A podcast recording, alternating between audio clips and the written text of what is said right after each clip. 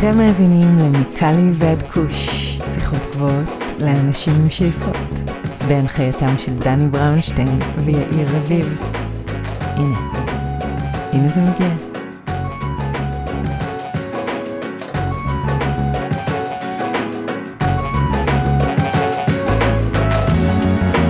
אהלן אהלן, מה קורה יאיר? אני בסדר גמור, דני, אה, פתחו של שבוע חדש, מה המצב איתך? בהחלט, שבוע חדש, פרק חדש, תקופת חגים כאן בארצות הברית, והיום, פרק 130, אנחנו גאים לארח את עמרי אלמגור, אנחנו עוצרים במילאנו איטליה הפעם, לדבר על המכונה שהוא מפתח, על הקשר התרבותי בין קפה לקנאביס והמאפיינים הדומים בין שניהם, ואני מציע שפשוט נעבור לפרק ונקשקש אחרי כרגיל. מה אתה אומר? יאללה. אז זהו עמרי אלמגור. עמרי אלמגור, בוקר טוב, לילה טוב, מה שלומך? בוקר טוב ולילה טוב, שלומי טוב, תודה רבה. מה איתך? יותר נכון, צהריים טובים אצלי. אני בסדר, תן לנו אוריינטציה גיאוגרפית, איפה אנחנו מוצאים אותך עכשיו? אני במילאנו, צפון איטליה. אה, אני כאן כבר חמש וחצי שנים, לפני כן הייתי בהולנד, ולהולנד הגעתי מישראל. אבל אני כבר הרבה זמן באיטליה עם בת זוג, ילד וחיים. יפה, אז אנחנו עוד נחזור למיקום שלך ומה הביא אותך אליו.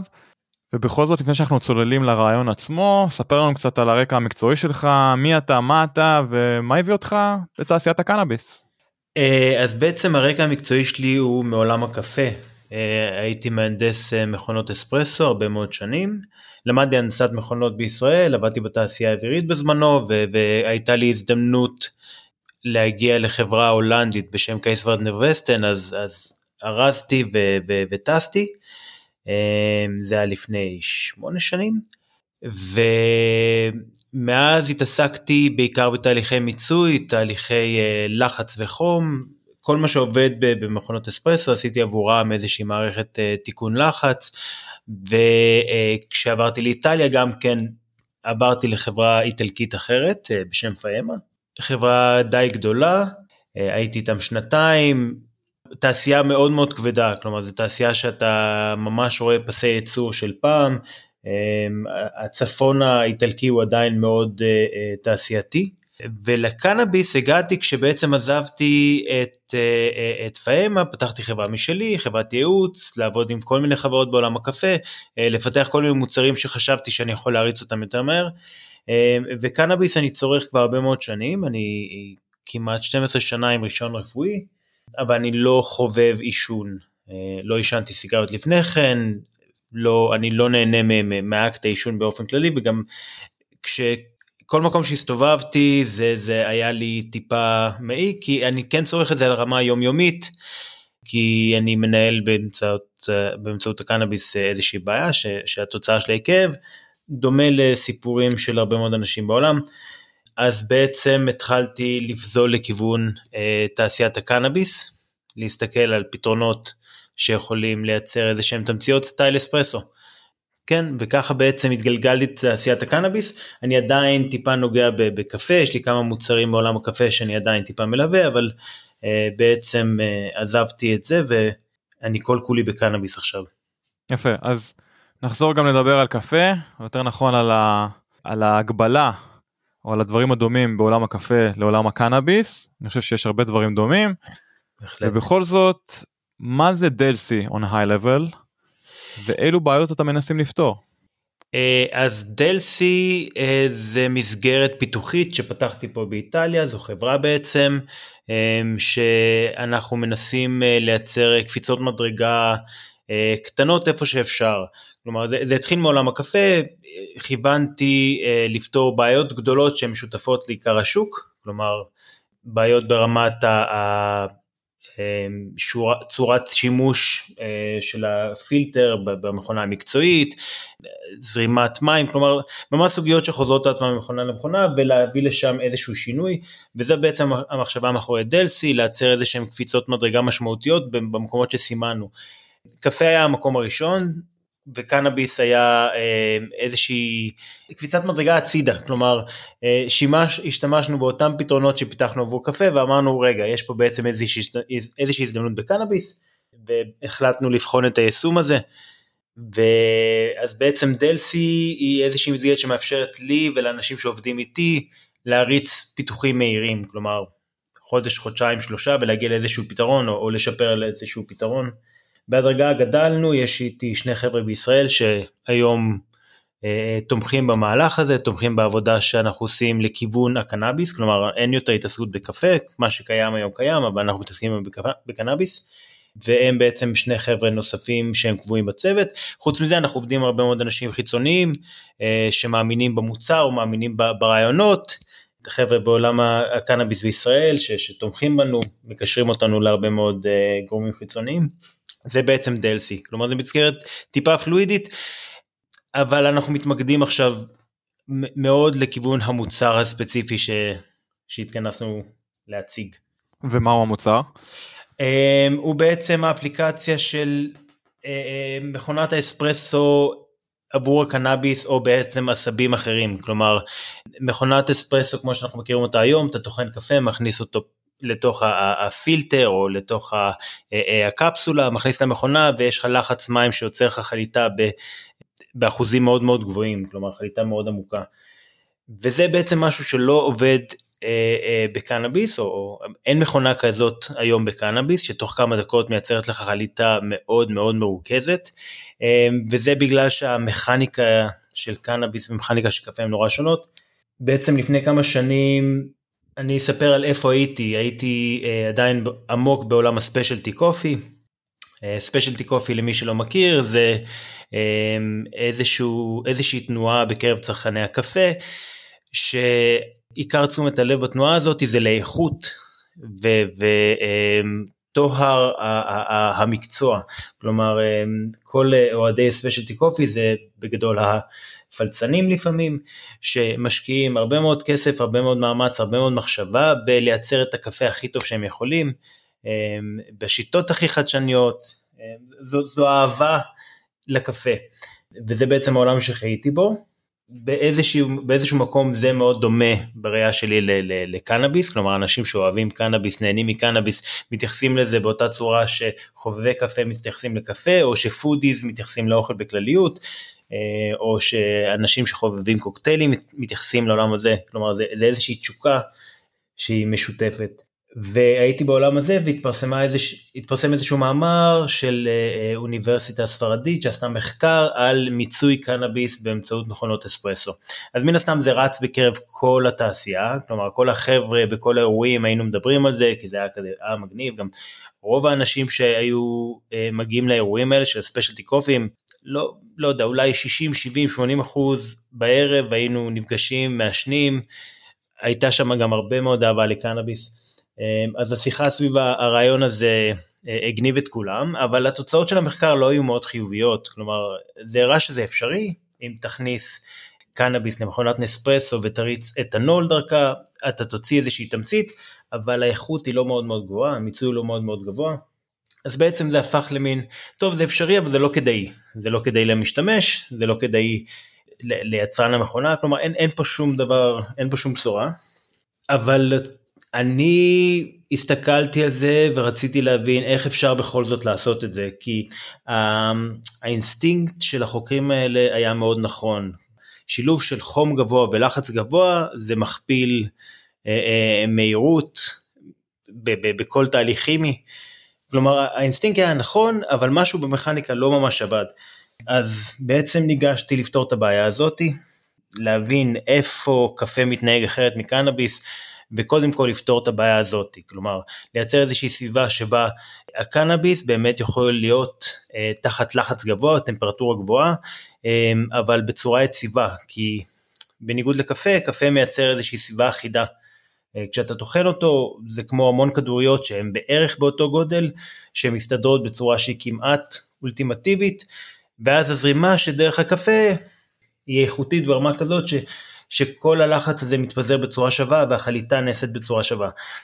אחד הבעיות שהם מצאו ב, אה, במחקר שהספרדים עשו, זה עם מכונת קפה רגילה זה לא עובד כמו שצריך, הלחץ לא ממלא את החלל כמו שצריך, ובעצם הזרימה נעשית דרך איזשהו מקום מאוד מאוד מסוים בתוך הקנאביס, ורוב הקנאביס לא נחשף לזה.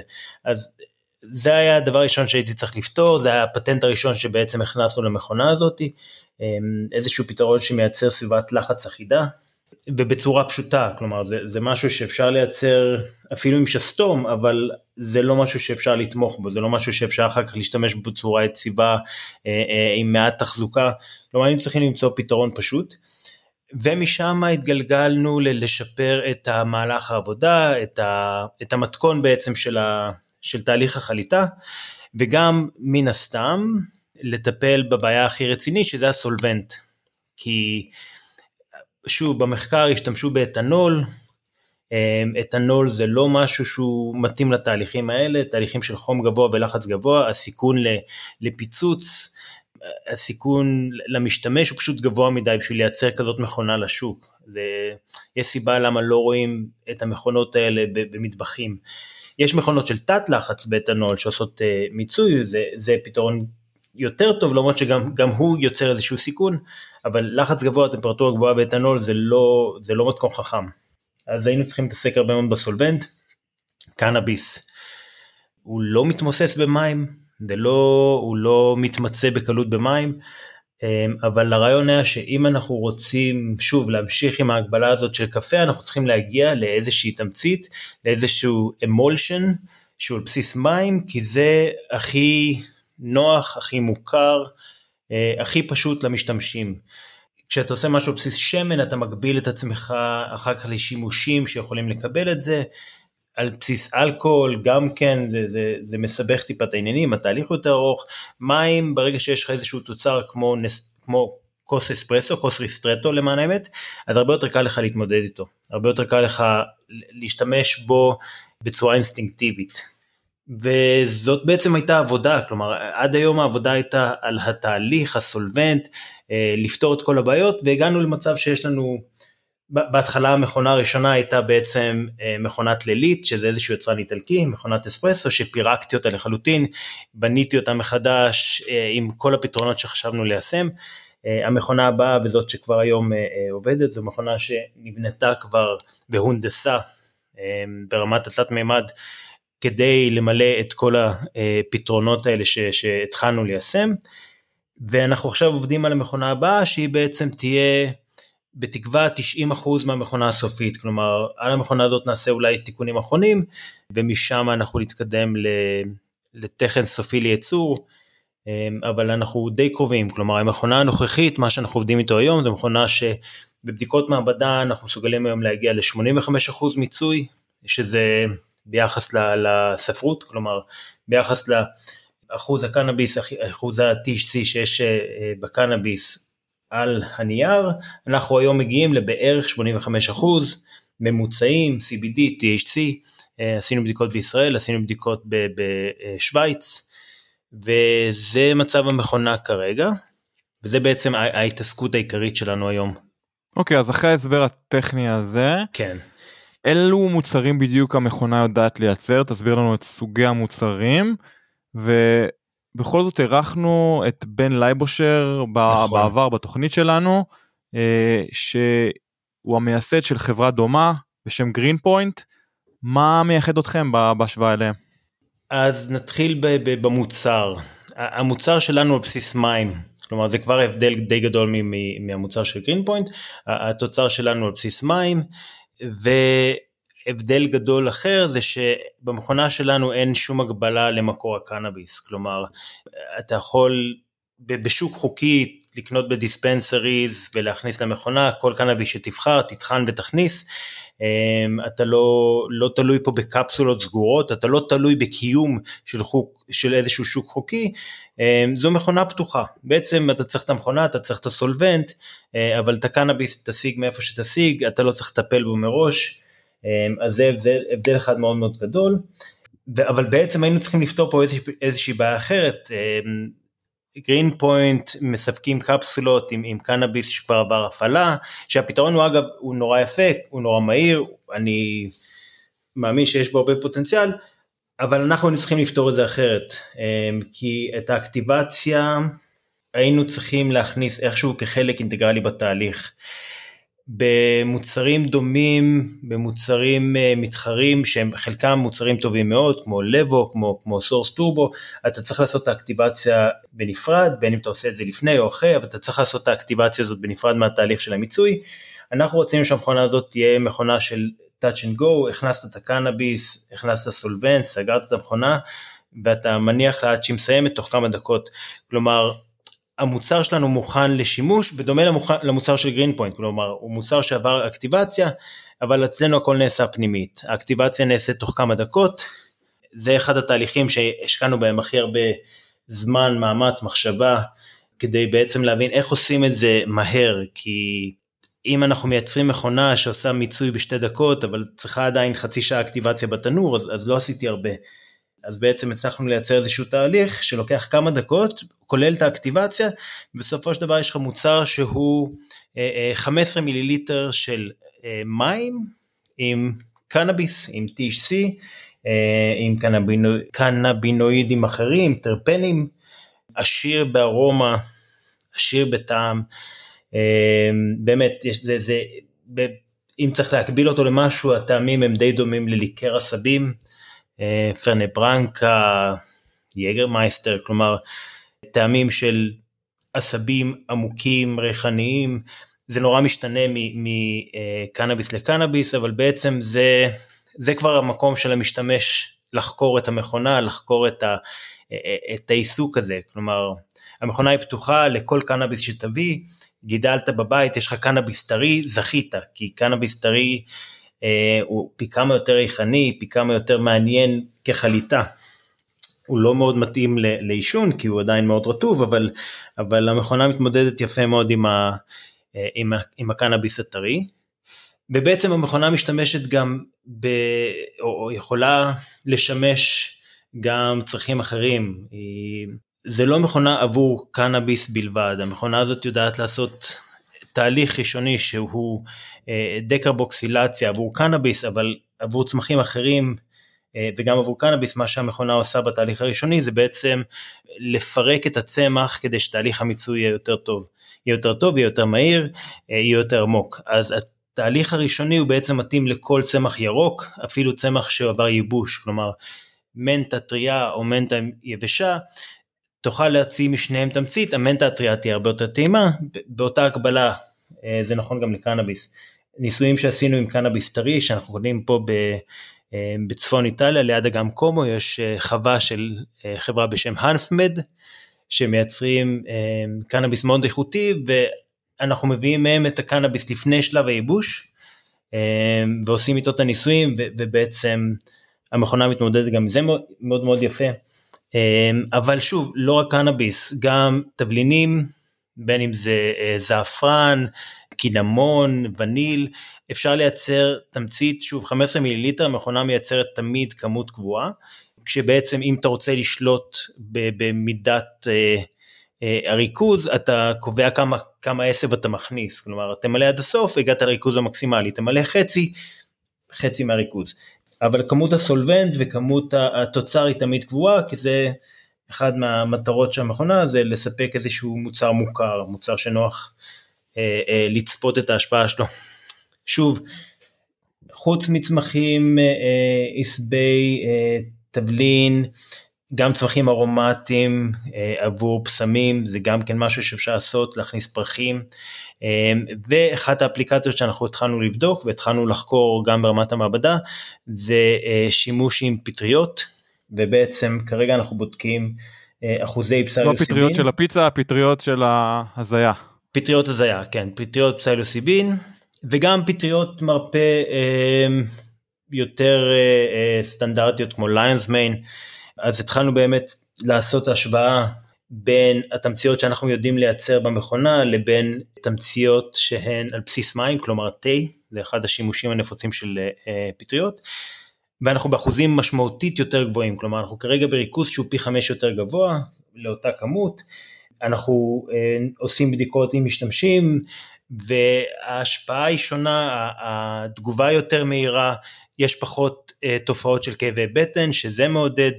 אז בעצם המכונה הזאת יודעת לפתוח הרבה מאוד עולמות, בגלל שהיא בית, יודעת לקבל הרבה מאוד עשבים, כלומר היא לא מוגבלת לקפסולות סגורות של משהו ממישהו. אנחנו נשתפר עם השנים, אני מאמין, עם הסולבנטים, אני מאמין, אנחנו כבר בודקים ויודעים שיש סולבנטים שיותר טובים לצמחים מסוימים, לצמחים אחרים, אמ, אז אה, נדע להציע בעצם את כל עולם הסולבנטים.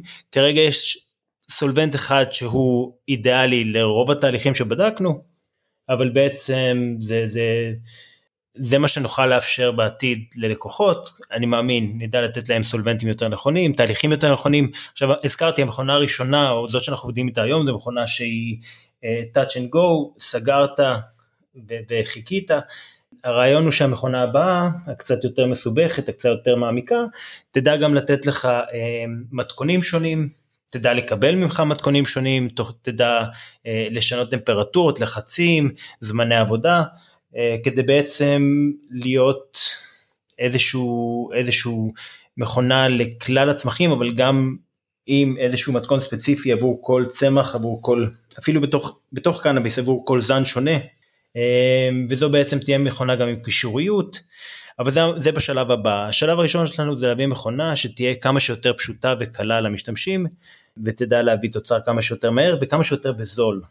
כי תמציות זה מוצר אחד מיני רבים בעולם הקנאביס, אה, והמחיר הוא, הוא אכן הוא חשוב מאוד, כאילו גם במקומות שבהם זה חוקי, אה, זה חשוב כי התחרות היא מאוד גדולה מצד דיספנסריז, אה, במקומות שבהם זה לא חוקי או, ש, או שזה חצי חוקי או במעמד משתנה, עדיין זה, זה, זה משהו שאנשים לא ירצו בהכרח לשפוך עליו כסף אם המחירים יהיו גבוהים, אם התפעול יהיה גבוה, אז אנחנו מכוונים למכונה שתהיה גג 300 דולר, עם סולבנט שיהיה אה, אה, גג 2 דולר אה, לשימוש, לתמצית, כך שבעצם זה יהיה איזושהי הוצאה שהיא יחסית קלה למשתמשים, כלומר יחסית קלה זה, זה לא מעט כסף אבל יש אנשים ולא מעט שזאת ההוצאה החודשית שלהם על קנאביס וחד פעמית הם, הם יהיו מוכנים להוציא על זה כמו שהם מוכנים להוציא על, על וייפ או על הרבה מוצרים אחרים בעולם הזה.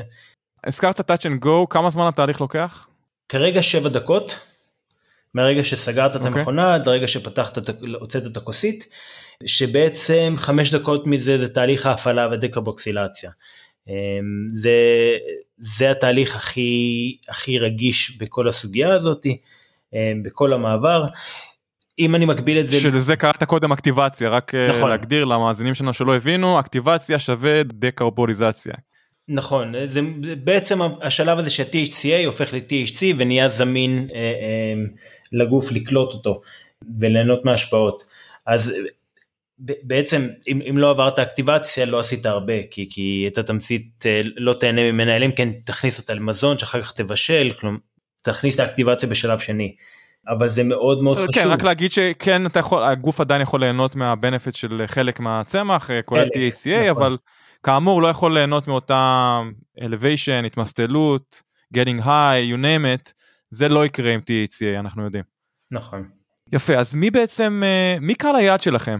זאת אומרת, בכל, בכל זאת מדובר במוצר וקטגוריה די חדשים ושונים מכל מה שיש היום בשוק, קצת מביא את אה, עולם הקפה לעולם הקנאביס. מי קהל היעד? מי הקליינט הממוצע, כפי שאתה רואה אותו? אז אנחנו מכוונים בעיקר לאנשים מבוגרים, מיושבים שנהנים מקנאביס אבל אה, מחפשים פתרונות שהם גם יותר אה, רציניים, מדודים וגם כאלה שאפשר להוציא אותם מהבית. יש עכשיו עלייה מאוד גדולה בשימוש בווייפים נוזליים בשווקים החוקיים.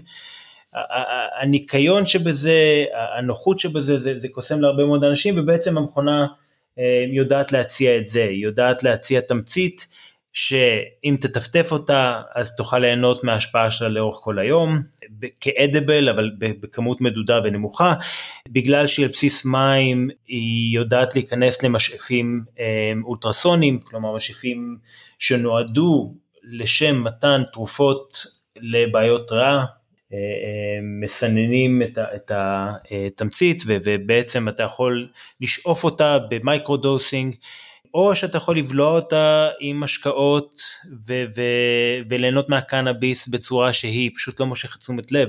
אז, אז זה, זה בגדול עולם הלקוחות, אני מאמין שאנשים שרוצים ליהנות מקנאביס כמו אנשים שרוצים ליהנות מקפה זה שוק מאוד מאוד גדול והמודל הזה של נספרסו הוא בעצם אה, אה, מודל שהוא מתאים גם לעולם הזה, כלומר תייצר מוצר שהוא מספיק פשוט וקל אה, שכל אחד יודע מה נכנס ומה יוצא והאנשים האלה כבר ייתנו לזה את הצ'אנס הראוי.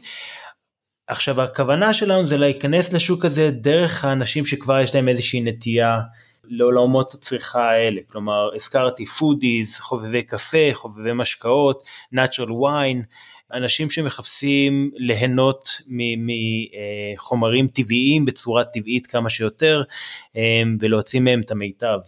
אז אנחנו מתכננים לעבוד הרבה מאוד על התפר הזה, כלומר אה, להיות החברת תמציות קנאביס, מיצוי קנאביס, איפה שמותר להיות החברה שמציעה את זה, אבל באירועים שקצת יותר מכוונים לעולמות צריכה שונים, וגם לחבר את העולמות הצריכה השונים האלה כשאנחנו נכנסים לעולם הקנאביס, כלומר לייצר את ההגבלה הזאת לאנשים בראש, ואז אני מאמין שבגלל שהמחיר הוא לא מחיר נורא גבוה, והנטייה הזאת של אנשים היא כבר שמה לחפש את המוצר המגניב הבא שאפשר להכניס למטבח, אה, או במקרה שלנו לשים בסלון על, על, על לא יודע, או בחדר, כלומר המכונה עצמה אמורה לא להיות מכונה מטבחית, אבל הרעיון זה אנשים שכבר היום נמשכים לגאדג'טים הנוספים האלה, שנמשכים למיצוי טבעי, שנמשכים לטעמים חזקים, אמ, ולהתחיל דרכם, אבל באמת אני מאמין שכל בן אדם שרוצה ליהנות יותר מהקנאביס שלו, וזה משהו שאני רואה טרנד שהוא גדל, כלומר העיסוק הזה בטרפנים, אמ, הדיבור על, על ארומות, פעם הדיאלוג לא עבר את רמת מה אחוז, אחוז ה-THC ואם זה אינדיקה או סטיבה, היום ממש מדברים על איכויות. זה גם כן מקביל מאוד למה שקרה בעולם הקפה לפני 20 שנה, כלומר specialty coffee, ה-third wave, זה השלב הזה שאמרו, טוב, המוצר הזה שאנחנו כבר נהנים ממנו ככה על הדרך, אבל נהנים ממנו מאוד, איך אפשר להעלות אותו מדרגה, איך אפשר לשפר אותו, איך אפשר אה, אה, להוציא ממנו את המיטב, וזה בעצם הייתה התנועה של הספיישלטי קופי, והיום זה קורה גם בקנאביס, כלומר יש מוצרים נוספים, חוץ ממה שאנחנו מכוונים, יש עוד מוצרים היום בשוק, שבעצם מכוונים להוציא את המקסימום אה, אה, מהקנאביס, ולא סתם להיות יותר זולים. כלומר, המלחמה, המלחמה הזאת על מי הכי זול, זה לא, זה לא המלחמה היחידה ש, ש, שכבר מנהלים. האיכות התחילה לדבר, וכשאתה עושה תמצית, במיוחד על בסיס מים, תמצית שמתנדפת כל עוד היא חמה, או, או, או אה, מתנדפת פחות כקרה, אבל עדיין מאוד טעימה, זה משהו שאנשים יכולים להתחבר אליו. כלומר, זה תשוקה שאנשים יכולים להתחבר אליו, זה מאוד uh, acquired taste, אני, אני בטוח שיהיו הרבה מאוד אנשים שיטעמו את זה בפעם הראשונה ויגידו טעם של דשא, אבל אני זוכר שגם אני כילד, פעם ראשונה שטעמתי קפה, זה כזה היה ב... אה, והפעם השנייה זה כבר היה mm, מעניין. או בירה, גם בירה, בירה, אותו דבר. או אלכוהול, או סיגריה, כלומר כל הדברים הנוראים האלה, הכל חוץ מסוכר, הסוכר זה טעים על ההתחלה. אה, נכון. אז יש פה איזשהו אלמנט של acquired taste, אה, אנחנו ננסה להכיר את זה לאנשים דרך דברים שהם יותר מכירים, כלומר קוקטיילים על בסיס אה, ליקר עשבים, כי באמת הטעם הוא די דומה, אז אומר לערבב את זה עם אה, או משקאות נורא מתוקים או משקאות נורא מרירים כמו אה, אה, טוניק או, או בירות ללא אלכוהול. עכשיו התחליף פה הוא, הוא, הוא לא רק תחליף לעישון, ברגע שאתה בולע את זה, זה, זה לא אותה כמות של קנאביס, זה לא, זה לא אותו קנאביס, זה לא אותן דלתות. אה, ההשפעה על הגוף היא שונה לחלוטין, אז אתה סופג את זה דרך מערכת העיכול. אז פרט לאנשים שרוצים ליהנות מזה בצורה מדודה, זה גם אופציה לאנשים שרוצים ליהנות הרבה הרבה יותר מקנאביס. כלומר, חבר'ה כאלה שמעשנים כל היום, והעישון כבר לא ממש נותן להם איזשהו היי. צ'ייסר בערב, אמ, להכניס גרם למכונה אה, אה, ולקבל ריסטרטו של 15 מיליליטר, זה מתכון ללילה מאוד מעניין. עכשיו, אז הזכרתי, המכונה יודעת לעבוד עם חצי גרם גרם, כשאפשר לקסוס אותו. של, של loose אה, flower, נכון? של, כן, של פרח, בעצם של פרח מיובש או טרי. גרם, מיובש או טרי, אה, שוב, טרי זה נהדר, טרי זה נהדר, גם מיובש זה אחלה, אבל טרי זה באמת, זה, זה עולם אחר לחלוטין. אפרופו הטריות והטרפנים בתהליך עצמו בתהליך של, ה... של השבע דקות הללו האם הוא מצליח לשמר את אותם טרפנים וולטיליים גם ולתת את הטעם ואת הייצוג האמיתי של אותו זן ממנו הוא מגיע? או שחלק מהטרפנים הולכים לאיבוד? אני מניח שחלקם הולכים לאיבוד בכל זאת מדובר בחום די גבוה. נכון אז לא לא אתה לא טועה. חלק הולך לאיבוד בוודאות אנחנו עוד לא ממש יודעים להגיד כמה הולך לאיבוד בהשוואה לעישון לדוגמה, כי החום בהשוואה לעישון הוא הרבה. הרבה יותר נמוך. אה, אנחנו עובדים בטמפרטורות אה, אה, קצת מעל טמפרטורות הרתיחה, עישון זה 800 מעלות, אנחנו עובדים בטמפרטורות שמאפשרות ליותר טרפנים לשרוד, אנחנו עובדים בסביבה שהיא בעצם סביבה סגורה.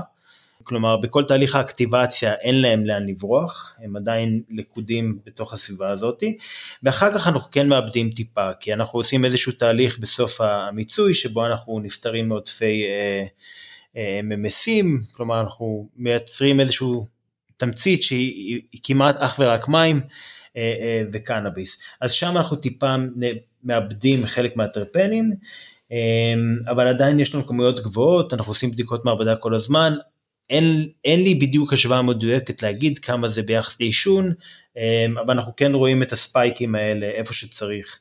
אז אנחנו לא מאבדים אותם לחלוטין, אבל שוב זה משהו ברמה שכשאתה מריח, אתה, אתה, עדיין, אתה עדיין מרגיש אותם שם, כלומר שאתה מקבל שקית חדשה או שאתה מגיע לסוחר, אתה יודע, לדיספנסרים ופותחים לך את הקופסה ואתה מריח, אתה מקבל את הרושם הזה של, ה, של הצמח שאתה הולך לצרוך, כנ"ל בתמצית שיצרת, כלומר נורא בדומה לכוס אספרסו, אתה מריח אותה ואתה ישר מרגיש מה יש בה, אתה. ישר מרגיש את הארומות השונות, טעמים פוטנציאליים שונים, כלומר משהו שם נאבד בוודאות, אבל עדיין הרבה מאוד נשמר, וגם הרבה מאוד נשמר ברמה שהרבה יותר קל ליהנות ממנה, הרבה יותר קל להעריך את זה כשאתה יכול פשוט לנשום פנימה עדים של, של תמצית טריה.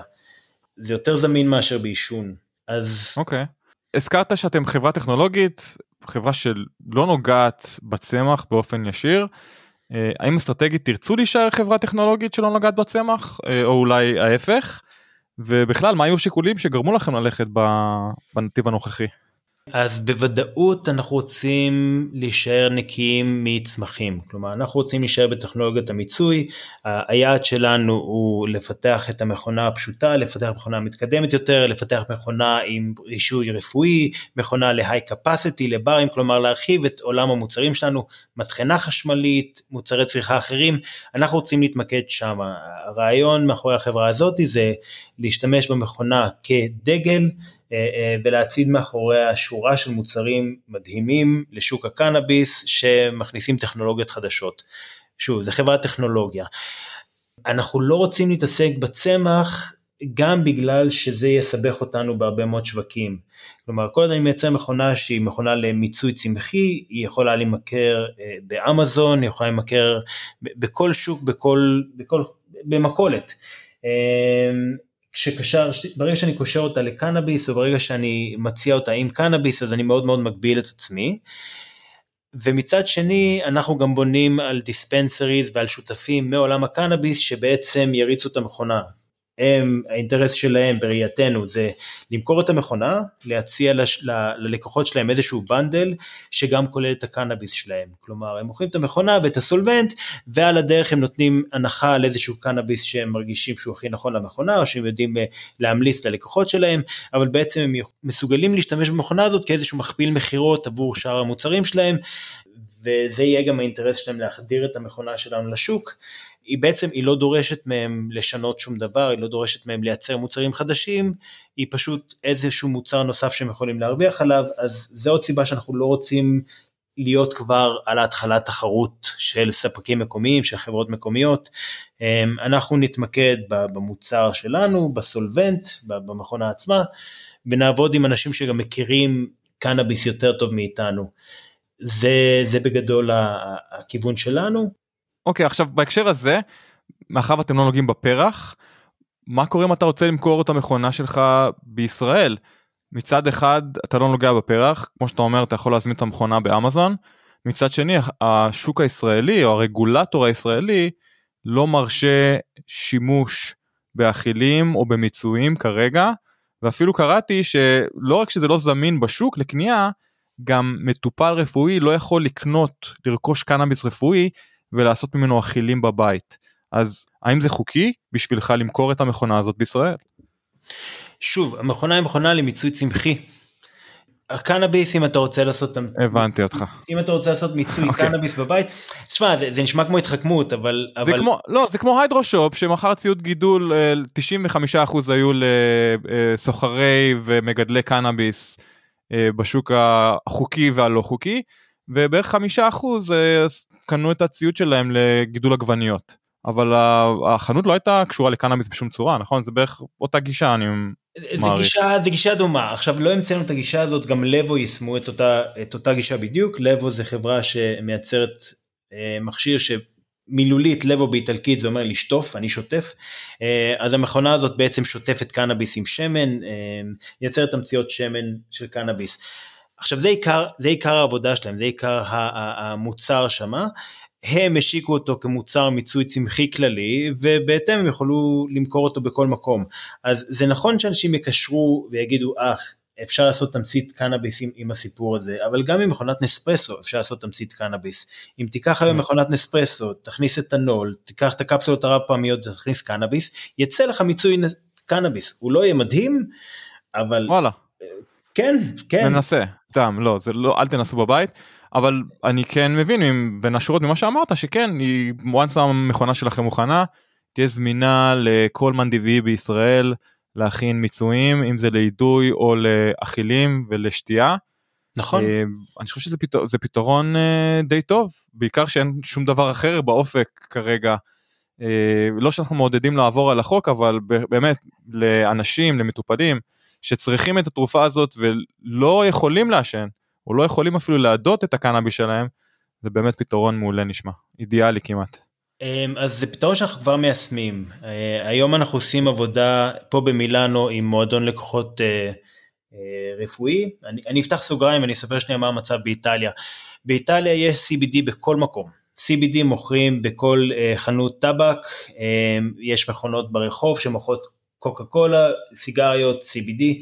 אמ, כלומר זה מאוד נגיש וכבר לא מסתכלים על זה, שוטרים כבר לא אוכפים, מותר לגדל בבית אה, שני צמחים גם של THC, כלומר צמחים ממסטלים, אבל מותר לגדל שניים אה, בסביבה פתוחה, והחידוש הכי גדול באיטליה זה שיש עכשיו רישיונות רפואיים, היו, גם בעבר היו רישיונות אך ורק לאנשים עם מחלות סרטן בגדול, מחלות אה, סופניות, בעיקר סרטן, אה, ולפני שנה הם הרחיבו את זה כך שגם אנשים עם בעיות של כאב, או, או, או בעיות כל בעיה ש, שמצריכה היום קנאביס או כל בעיה שלגיטימי היום לרשום עליה קנאביס בעולם המערבי, הרחיבו את זה והתהליך הוא כזה שאתה ניגש למועדון לקוחות רפואיים, הם קובעים לך פגישה עם הרופא שלהם, הוא עובר על המידע הרפואי שלך, אה, נותן לך מרשם ואז אתה לקוח ובעצם קונה דרך המועדון והמועדון אחראי לזה שתצרוך את זה בצורה חוקית ובצורה נכונה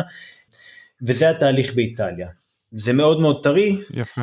וזה מאוד מאוד פרוץ גם, כאילו יש הרבה מאוד אה, אה, אה, קנאביס מהשוק השחור שעדיין מוצא את דרכו דרך המעגל הזה, דרך הפתרון הקצת לא סגור הזה, אה, אבל בגדול מה שזה אפשר לנו לעשות, אני את הרישיון הישראלי שלי שהפך להולנדי, הפכתי אותו גם לאיטלקי, אני היום חבר במועדון לקוחות אה, הרפואיים של מילאנו, ובעצם את הבדיקות אנחנו עושים עם קבוצה של עשרה אנשים, שאנחנו נותנים להם תמציות, נותנים להם משאפים, וכל פעם עושים איתם שבוע אחר, כלומר שבוע של טיפות, שבוע של לבלוע, שבוע של משאפים, כדי לקבל את הפידבק שלהם אמ, לגבי המוצר.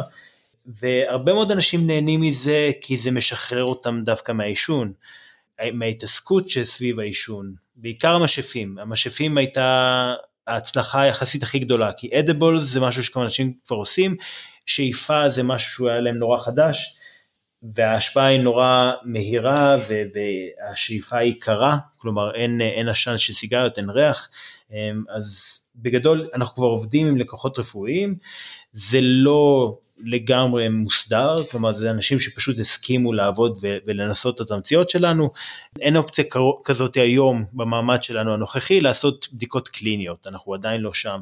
אנחנו כן נהיה שם כשהמכונה תהיה מספיק יציבה, שהחברה תהיה מספיק גדולה אה, אה, וממוסדת, כדי שנוכל באמת לעשות בדיקות קליניות, כי אני כן רוצה שהמכונה הזאת בגרסה הרפואית שלה, תהיה נגישה לאנשים שבאמת צריכים את זה ככלי רפואי, ושהם גם יוכלו לקבל איזה, איזשהו החזר מהביטוח, ובשביל להיות במקום הזה אנחנו חייבים להציע מוצר שעבר בדיקות קליניות, אבל כל, ה, כל ההנדסה מאחורי המוצר הזה זה במחשבה קלינית, כלומר איך אני מייצר מוצר שהוא חוז... רפטטיבי שהוא אה, ידוע מראש עד כמה שאפשר. כי בניגוד למכונת קפה אתה יודע מכונת נספרסו אם לא תפסיק אותה אז הסולבנט, המים ימשיכו לרוץ ולרוץ ולרוץ, יצא לך קפה אחר לגמרי.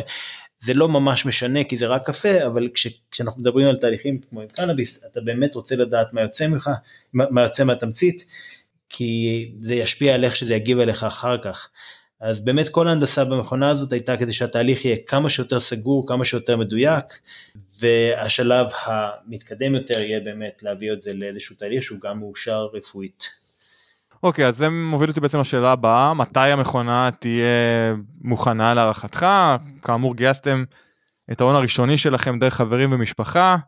נכון. בכל זאת, מה השלב הבא ואיך אתם מתכוונים לצוד משקיעים פוטנציאליים בתקופה כל כך מאתגרת כלכלית? אז המכונה מיועדת לצאת בקיץ 2024, אנחנו עובדים עכשיו על סדרת אלפא שתהיה סדרת מעבדה שעליה נעשה את הפיתוח הסופי, הם יהיו בערך 15 יחידות שכרגע הן נמצאות בייצור, עליהם נעשה את כל הבדיקות ומשם אנחנו נתגלגל לסדרת בטא ובעצם נסגור את הייצור.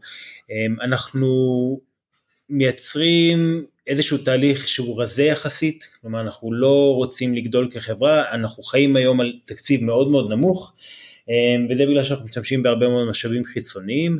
הייצור אה, מיועד להיות באיטליה או מזרח אירופה, ובכל מקרה להתבסס על תעשיית הקפה הקיימת, כי זו תעשייה שיודעת לייצר כמויות גדולות, שיודעת לגדול ויודעת לעשות את זה במחירים יחסית נמוכים, אז כל התהליך שלנו הוא מין, מין תהליך גרילה, כלומר אנחנו מסיימים את מהלך התכנון עם שותפים שכבר יש לנו באיטליה, נגיע מהר מאוד לייצור, בדיקות, אה, סרטיפיקציה, CE, UL, כי זה בעצם מכונה חדשה בשוק, ואת כל זה אנחנו רוצים להשלים ולהיות בשוק תוך שנה וחצי.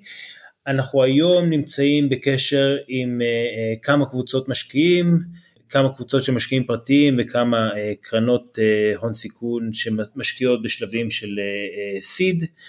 ובעצם התהליך הוא מאוד מאוד פשוט, אנחנו מחפשים את המשקיעים הרלוונטיים דרך אנשי קשר שכבר ראו את המכונה וכבר אה, התרשמו מה, מהתוצר, מנסים להגיע, אתה יודע, או לפגישת זום או לדמו אחד על אחד עם המכונה ולהתגלגל משם.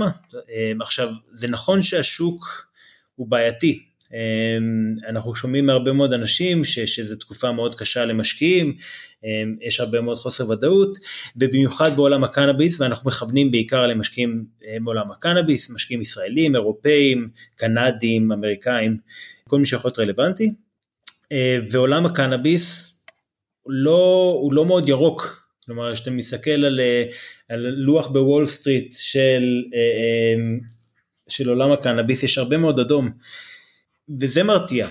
זה מרתיע הרבה מאוד משקיעים, במיוחד המשקיעים ש, שנמצאים הרבה זמן בשוק, כי גם הרבה מהם ספגו אה, מפלות והם לא מחפשים להשקיע שוב בשוק שהם רואים אותו כשוק שמידרדר, אה, אבל בעצם כשמסתכלים יותר מקרוב, אז אפשר לראות שזה לא כל השוק שיורד, אה, זה בעיקר טרנד שאני רואה שהוא בקרב חברות של מגדלים, כלומר שמתבססות על גידולים ועל מחיר הפרח בסוף היום.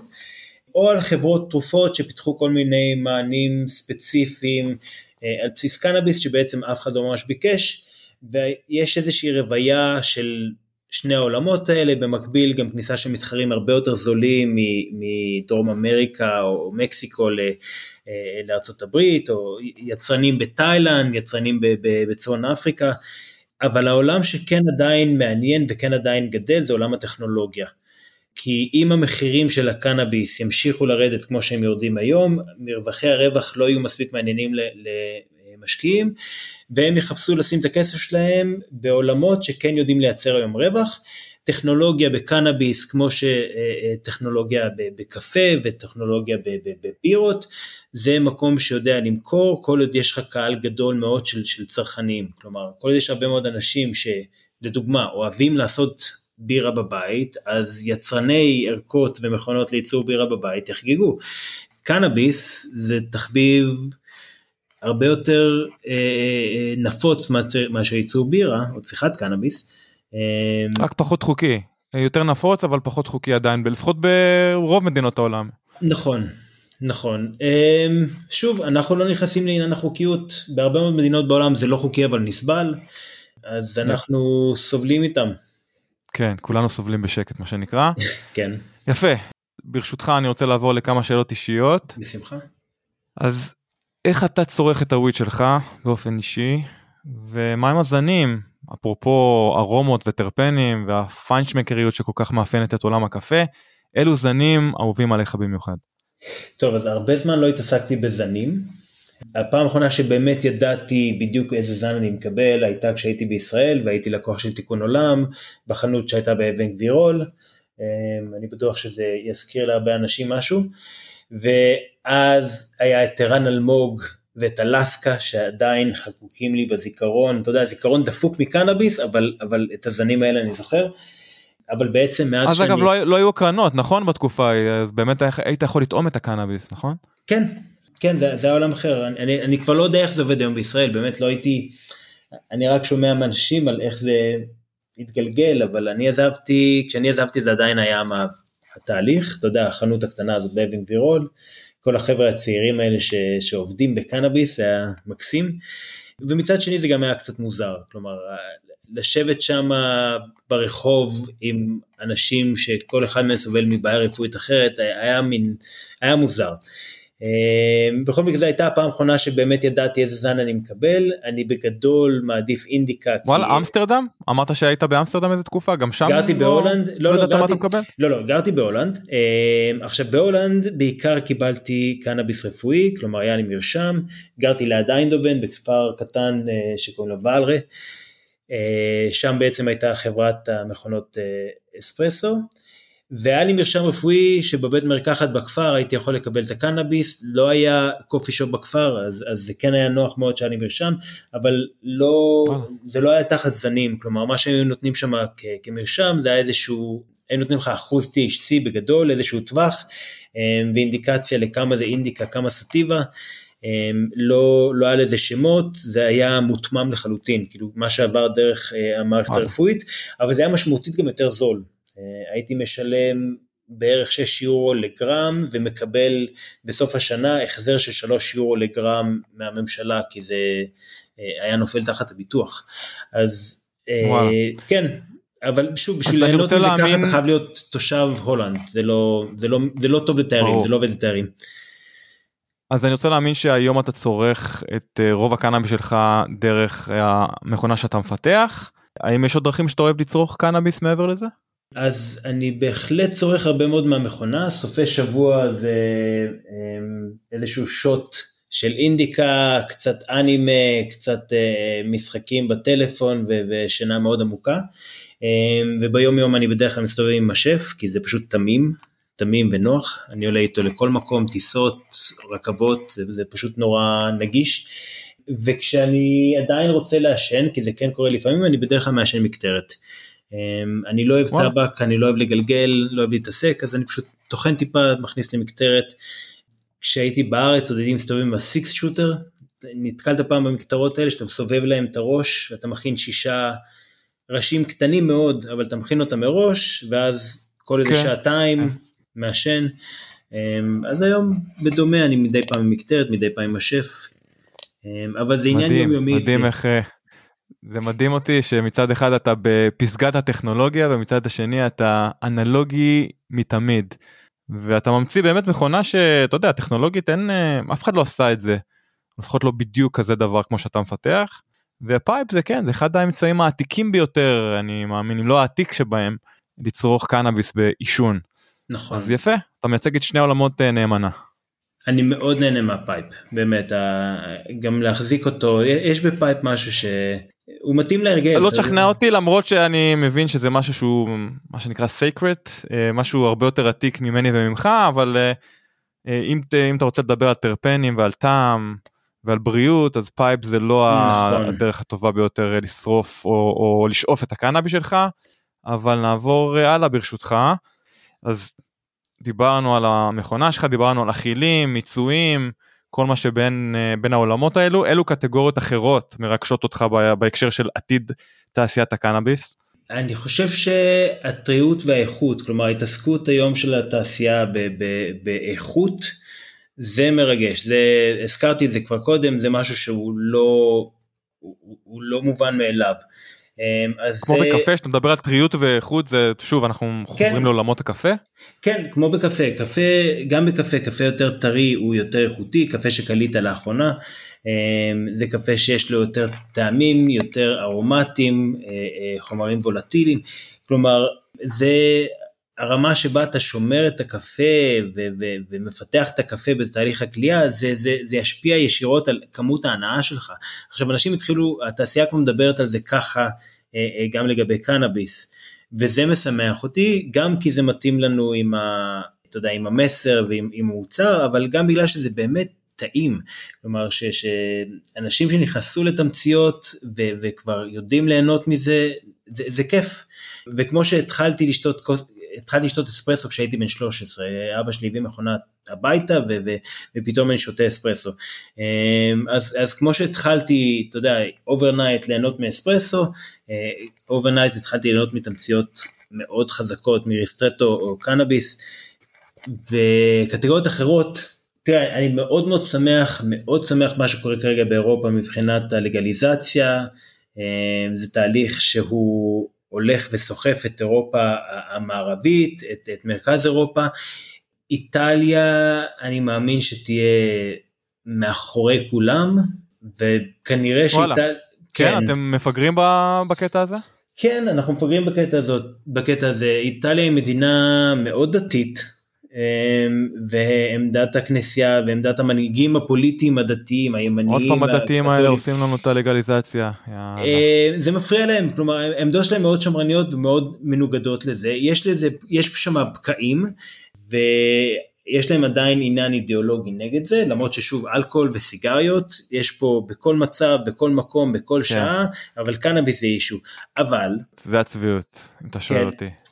אבל בסופו של דבר הכסף ידבר, וכשאיטליה תיחלש במקומות שזה פוגע בה, הם, הם ישקלו מחדש לגליזציה, כלומר שהם יאבדו יותר ויותר תיירות לאנשים שרוצים ליהנות ממקומות שבהם גם אפשר להדליק ג'וינט ולקנות אותו בלי, בלי להסתכן, אז, אז הם יתחילו להרגיש את זה בתיירות, ואז אולי יהיה איזשהו שינוי, גם שוב, תזכור שאין גבולות. אמ, כשאתה נוסע בין, בין צרפת לאיטליה, עם צרפת לגלית, עם אוסטריה לגלית, אנשים פשוט יתחילו לנסוע ולהכניס כמויות, כן. באיזשהו שלב הם יהיו חייבים פשוט לוותר על זה. ו... ליישר קו מה שנקרא, כן, עם, עם, עם הרוב. כן, כי, כי פשוט, שוב, אין פה גבולות, רק שאתה, כל פעם שאתה נכנס ויוצא משוויץ, מפרקים לך את המכונית, אבל כל מקום אחר... אמ, חופשי חופשי, הבנתי, כן. אוקיי. מהו הכישלון המפואר בחייך ומה למדת ממנו, אם בכלל? אז למרות שנורא נהניתי מתקופת העבודה שלי בעולם הקפה, אני עדיין, אני בתחושה שהתקופה היא מסתכמת בכישלון. לא הגעתי ליעדים שכיוונתי לעצמי, קיוויתי כבר להיות במקום שבו אני מנהל איזשהו מותג של מכונות, של מטחנות, של ציוד. אמ, שתמיד הגישה שלי הייתה ציוד ברמה גבוהה במחיר נמוך, כלומר להביא איזה שהם, אמרתי זה קפיצות מדרגה שנותנים לך משהו יותר טוב, אז הגעתי למצב שכבר יש לי פטנטים ויש לי אה, מוצרים שמחכים לצאת עם, עם, עם, עם הנדסה, אבל לא הצלחתי להביא את זה למקום שבו אני אשכרה מייצר את זה ומביא את זה לאיזשהו מותג.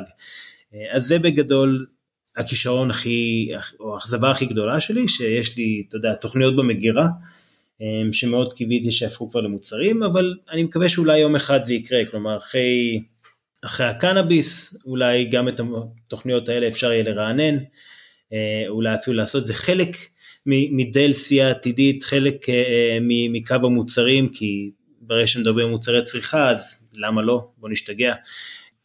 אבל למדתי מזה הרבה, כי בכל זאת הצלחתי להשחיל כמה מוצרים מעניינים לשוק, וכל מוצר שכן הצליח להגיע לשוק וכן התקבל בעדה, זה מוצרים שהיה מאחוריהם צוות מאוד מאוד גדול, ולמדתי מזה שזה הדבר הראשון שצריך לעשות. להכניס לפעילות כמה אנשים שמאמינים בפעילות, שמאמינים בך, שמאמינים במוצר ומה שאמור להיות, ורק אז להתחיל לרוץ על המוצר, כי בעצם צוות שדוחף אחד את השני, שעוזר אחד לשני, יהיה הרבה יותר קל לעשות את זה, ובעצם היום אנחנו צוות, כלומר אני, אני כבר לא עושה דברים לבד, זה הלקח הגדול, אל תעשה לבד. גם ברמת הרעיונות צריך מישהו שאתה יודע, יוריד אותי לקרקע, יעזור לי לתכנן, יעזור לי לחשוב uh, לעניין לפעמים, אז זה הלקח מהכישלון. יפה, אחלה לקח. אז הקשר הרגשי, התרבותי, ההיסטורי, you name it, בין קנאביס ומוזיקה, מבחינתי זה חיבור מושלם, ובכל זאת אילו מוזיקאים או להקות השפיעו עליך במיוחד בילדות וגם היום. בילדות, בגיל הנעורים זה היה בעיקר מוזיקה שחורה, קלאסית, כלומר ג'אז, מיילס דייוויס, צ'ארלי פארקר, צ'יק קוריאה, שהוא קצת יותר עדכני או עכשווי, ומוזיקה שחורה קצת יותר מתקדמת, נינה סימון, אהובת נפשי, באמת, היוצרת המוזיקלית. גם, גם אהובת נפשי שלי, כן, נהדרת. כן, אמ, ממש, היא השאירה בי חותם. אמ, סטיבי וונדר, Fugees, The Roots, כאילו ממש מוזיקה, מוזיקת נשמה אבל קצבית. אמ, והיום אני שומע עדיין הרבה מוזיקה שחורה, אבל אני שומע הרבה יותר מוזיקה אלקטרונית.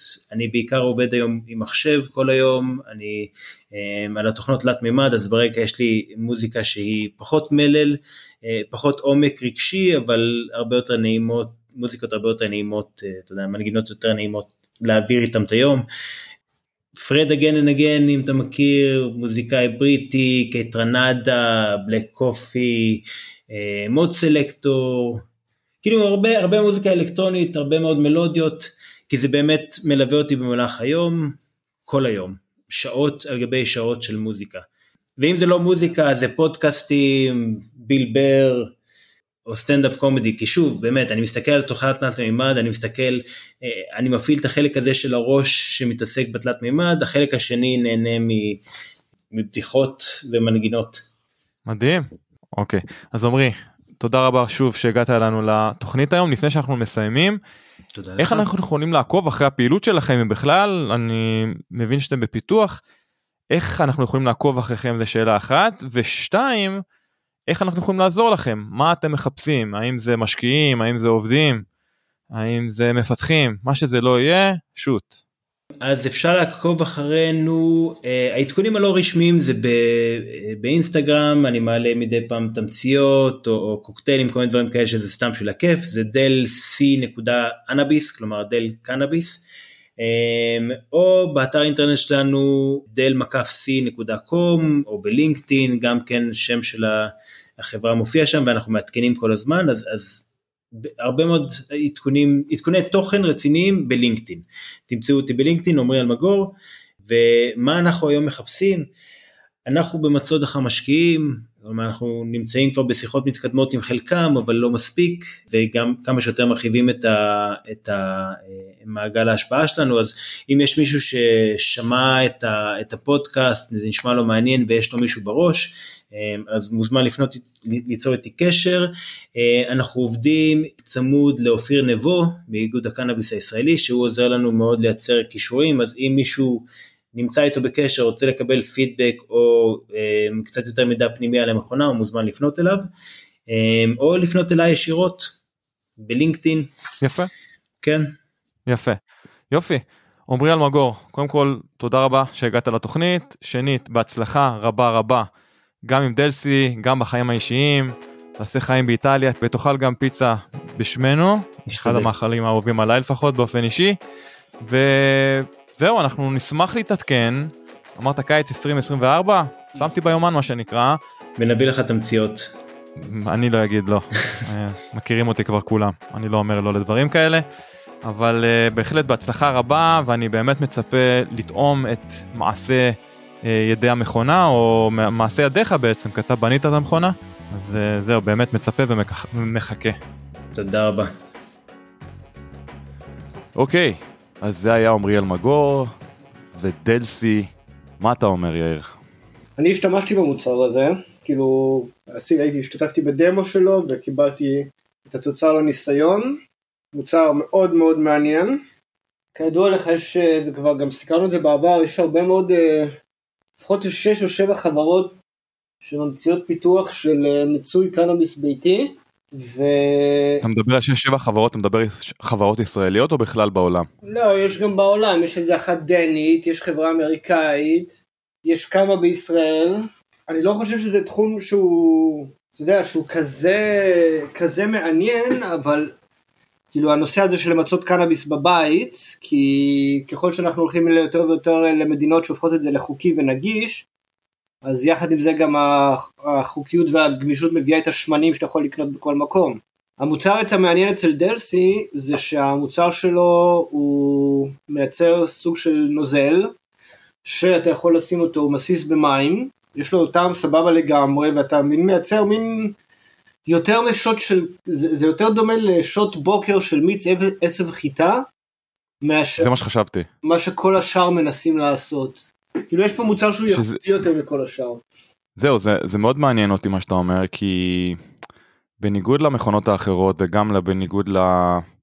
לבן לייבושר ו Green Point שראיינו לפני, אני יודע מה, שנה וחצי לפחות, יש פה באמת מוצר סופי שונה גם במרקם, גם בטעם, גם במהות, אה, הזכרת שוט של עשב חיטה אני חושב שזה בעצם קטגוריה חדשה אם תרצה אני לא מכיר שום מוצר כזה פה בשוק האמריקאי. כמובן שאין עדיין דרישה לזה כי אף אחד לא מכיר את זה. אני כן מתחבר למה שהוא אמר לזה שזה acquired taste שזה טעם נרכש. זה לא משהו שאני מניח שאתה ישר אוהב מהשלוק הראשון כי בכל זאת קנאביס וגם צמחים אחרים אה, שמביאים אותם את אותו צבע ירוק וכלורופיל ופלנט מאטר יש להם קצת טעם אה, אפס אה, מריר משהו, אבל אני כן חושב, א', כמובן זה לא נבדק מחקרית או מדעית, אני חושב שיש שם ערכים תזונתיים שאין במיצויים ומשקאות אחרים של קנאביס, בגלל שהוא נעשה בשיטה אה, שזה נעשה. כאמור, המכונה הזאת יכולה לייצר מגוון של מוצרים, לא רק מוצר אחד. זאת אומרת, יכולה גם לייצר מיצוי לאידוי, זה דבר אחד אם אני רוצה לשתות שוט של קנאביס או לערבב את זה עם דרינק או עם אה, אה, אוכל כזה או אחר אבל אה, זה שיש לי את האפשרות גם להדות את זה זה לדעתי אה, סוג של Game Changer זה הופך את המכונה למאוד ורסטילית וכמו שאמרתי מעבר לזה פותח את אותה קטגוריה חדשה של אה, צרכני קנאביס אה, פיינשמקרים כמוני וכמוך שרגילים להדות או לעשן את החומר שלהם ופתאום יש להם אפשרות חדשה לצרוך אותו וליהנות פחות או יותר מאותו פרופיל טרפני או פרופיל של טעמים שלצמח יש לתת. מה אתה אומר? כן בהחלט. אני, אני לא חושב שזה דווקא זה, זה, זה לא מה שהולך לפיינשמקיות כאילו אני מכיר פיינשמקיות בקנאביס ואני שמח להגיד שפה זה לא המצב כאילו יש פה זה לא שזה ה, ה, ה, המתעניינים שבקונוסורים הולכים להתעניין במוצר הזה. אני חושב שלמוצר הזה יש פוטנציאל הרבה יותר רחב מלפיינשמקרים ומעבר לזה, זה הפיינשמקיות של קנאביס בא לידי ביטוי במקומות אחרים, כאילו באיך שהפרח נראה ובריחות שלו וכל זה, זה לא מגיע בדרך כלל לנושא הזה של טכנולוגיית ייצור חדשה. ופה... בדיוק, אבל אני חושב שבגלל שיש פה מוצר חדש שלא נראה אה, כמותו, או טרם נראה כמותו, מבחינת, שוב, המוצר הסופי, מה שיוצא אה, מאותה שוט של אה, קנאביס, אין, אין דבר כזה היום. כן. זאת אומרת, אם אני רוצה לשתות את הקנאביס שלי, אני צריך היום, שוב, יש לי מגוון של אה, מותגים פה בקליפורניה, אני רוצה להגיד משהו כמו בין 100 ל-200 מותגים אה, שמייצרים השקעות קנאביס. לרוב זה מוגז, זה מתוק, זה טעם של אפריטיב, זה טעם שמנסה לחכות יין, זה טעם שמנסה לחכות בירה, זה מחכה משהו, אוקיי? אז מהבחינה הזאת יש פה משהו חדש, זאת אומרת, המשקה שיוצא, זה לא משקה מתוק, זה לא משקה שיש בו חומרים אחרים, יש פה ממש קנאביס וקצת מים. זאת אומרת, זה ממש ריכוז של קנאביס נוזלי, כן. ששוב, אני מאוד סקרן לטעום אותו, אני בטוח שבשלוק הראשון אני לא בהכרח אה, יתחבר מאוד לטעם, אבל כאמור זה טעם נרכש. אני מאוד מחכה לנסות את המכונה וגם לנסות לשים בה כל מיני עשבים וסוגי קנא, קנאביס שונים, אם זה קנאביס או, מיושן או, מול או, קנאביס. אה, טרי. זאת הבוננזה לדעתי, עצם העובדה שהוא יכול למצות כל דבר שהוא ארומטי עם הסיפור הזה, ו- ואז אתה גם יכול לעשות בלנדים של כאילו אתה ממצה לתוך הבלנד כמה ת- דברים שונים שאתה מערבב ביחד, וזה אופציה א', ואופציה ב' זה אחרי, את המוצר הזה, שזה כמו בסיס, זה, אתה יודע, כמו שמשתמשים בייגרמייסטר ל- לקוקטיילים, בדיוק. ויש איזה טעם מאוד דומיננטי, אז פה יש לך פוטנציאל לעשות את אותו דבר, אבל אני כשפגשתי אותו ואמרתי לו, מבחינתי הסיפור הזה זה הרבה יותר גדול מ cannabis tech, זה food tech הדבר הזה, אתה, פה, אתה ממציא פה קטגוריה חדשה של, של לטבל מזון.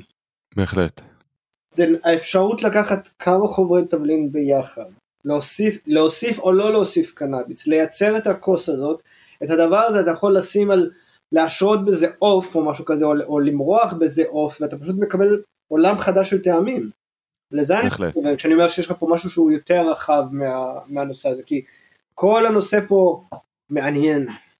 לא רק הקנאביס, זה שהוא ממצא ריחות של דברים, זה מדהים. לגמרי, ורק להמשיך את הנקודה שאמרת, גם פטריות, זאת אומרת האפליקציה של פטריות, הוא הזכיר את זה בקצרה בפרק, לדעתי זה גם יכול להיות סוג של Game Changer, כי היום ליצור פטריות, אפס, זה לא חוויה מי יודע מה, לא קולינרית וגם, אתה יודע, בדרך כלל גם גורם לאי נעימות בבטן וכולי, אם הוא בעצם יכול לדלג על האי נעימות, או, יותר נכון למנוע את אותה אי נעימות בבטן, בדומה ללמונטק שאני עושה באופן אישי להזכיר למונטק ערבוב של אה, פטריות הזיה יחד עם מיץ לימון ואולי קצת דבש אה, השריה של משהו כמו רבע שעה וזה מאוד מקל על התופעות אה, בקיבה תופעות העיכול שקשורות לפסילוסיבין ובדרך כלל גם מזרז את הטריפ והופך אותו ליותר אינטנס יותר אינטנסיבי. אז אם המכונה שלו בעצם גורמת לתהליך דומה אז זה גם יכול להיות משהו שהוא אה, Game Changer מבחינתי. ובכלל, לא יודע, לעשות מיצוי של פטריות לבישול, של שוקולדים, של גמי, של דברים כאלה, האפשרויות אה, בלתי נגמרות. מה אמרת, סליחה? אמרתי שפטריות, פסילוסיבין ממצים במתנול, בכל מקרה. אוקיי, כאילו, אז המכונה שלו פשוט כאילו רוכבת על התכונה המאוד מאוד ידידותית הזאת למיצוי של פטריות, שככה עושים את זה. אז זהו, זה, תשמע, אז רק לסכם, המכונה מעניינת, ואני באמת חושב שיש לה פוטנציאל uh, to disrupt the market, uh, מה שנקרא להפריע או לשנות uh, את חוקי השוק, או איך שאנשים מסתכלים על קנאביס או על צריכת קנאביס. ושוב, אם אנחנו קצת uh, נלך הצידה ונדבר גם על הנושא שהזכרנו במהלך הפרק, uh, האבולוציה של הקפה מול אותה אבולוציה של הקנאביס, הפיינשמקריות שמתפתחת בתחום שלנו, שכבר התפתחה לה בתחום שלנו. אפשר להשוות את זה לקפה, שאתה מסתכל על הקפה, על הגל הראשון, השני והשלישי.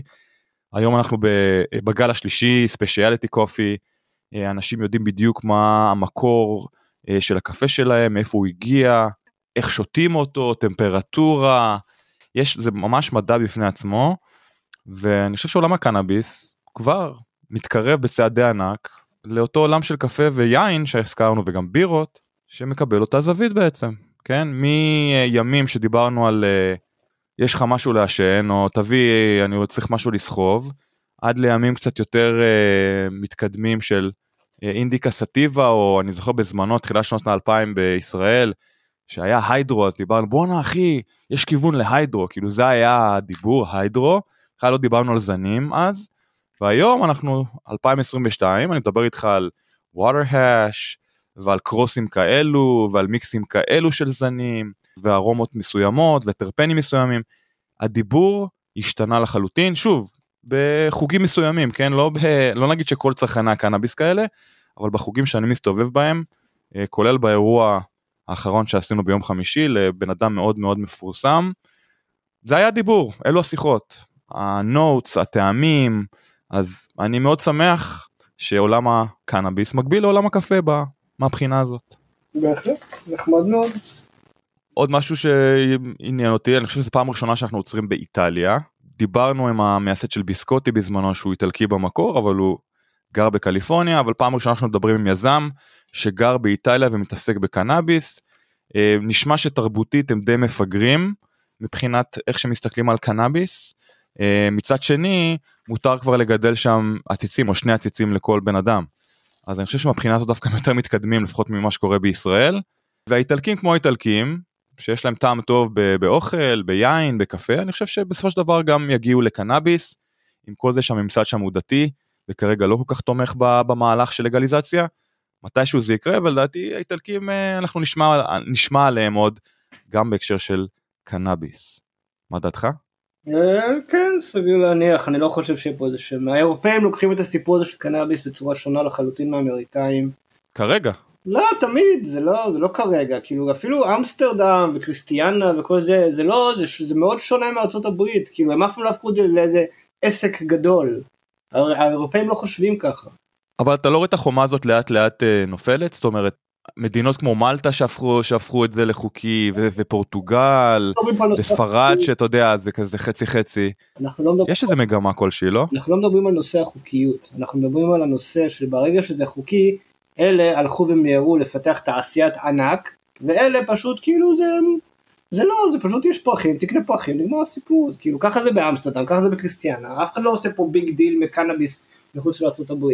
בארצות, באירופה זה עדיין יותר אה, מדיקלי מבחינת המהות של זה שוב אפשר להשוות את זה לשוק מדיקלי כמו ישראל או גרמניה או אנגליה יש הרבה מאוד שווקים שונים אחד מהשני אבל התנועה באופן כללי והאג'נדה uh, יותר מדיקלית בארצות הברית uh, התנועה המדיקלית או אותה תנועה שהפכה את הקנאביס לחוקי uh, לאט לאט שינתה את תורה והיום אנחנו כמו שאמרת רואים תעשייה גדולה ודורסנית אה, שלאט לאט גם השתנה לנו מול העיניים, אתה יודע, דיברנו על קונסולידציה, דיברנו על חברות שנמחקות מהמפה, אבל בהחלט זו תעשייה של מיליארדי דולרים, אנחנו מדברים על בערך 30 מיליארד דולר בשנה, רק תעשייה חוקית בארצות הברית, אה, שהתעשייה אה, כולה, כולל השוק הלא חוקי, אנחנו מדברים על משהו כמו 100 מיליארד דולר, אז בהחלט אנחנו מדברים פה על חתיכת תעשייה, על הקרופ השישי בגודלו בארצות הברית, ואני חושב שגם אירופה מתישהו לא יודע אם זה יקרה עוד שנה שנתיים אבל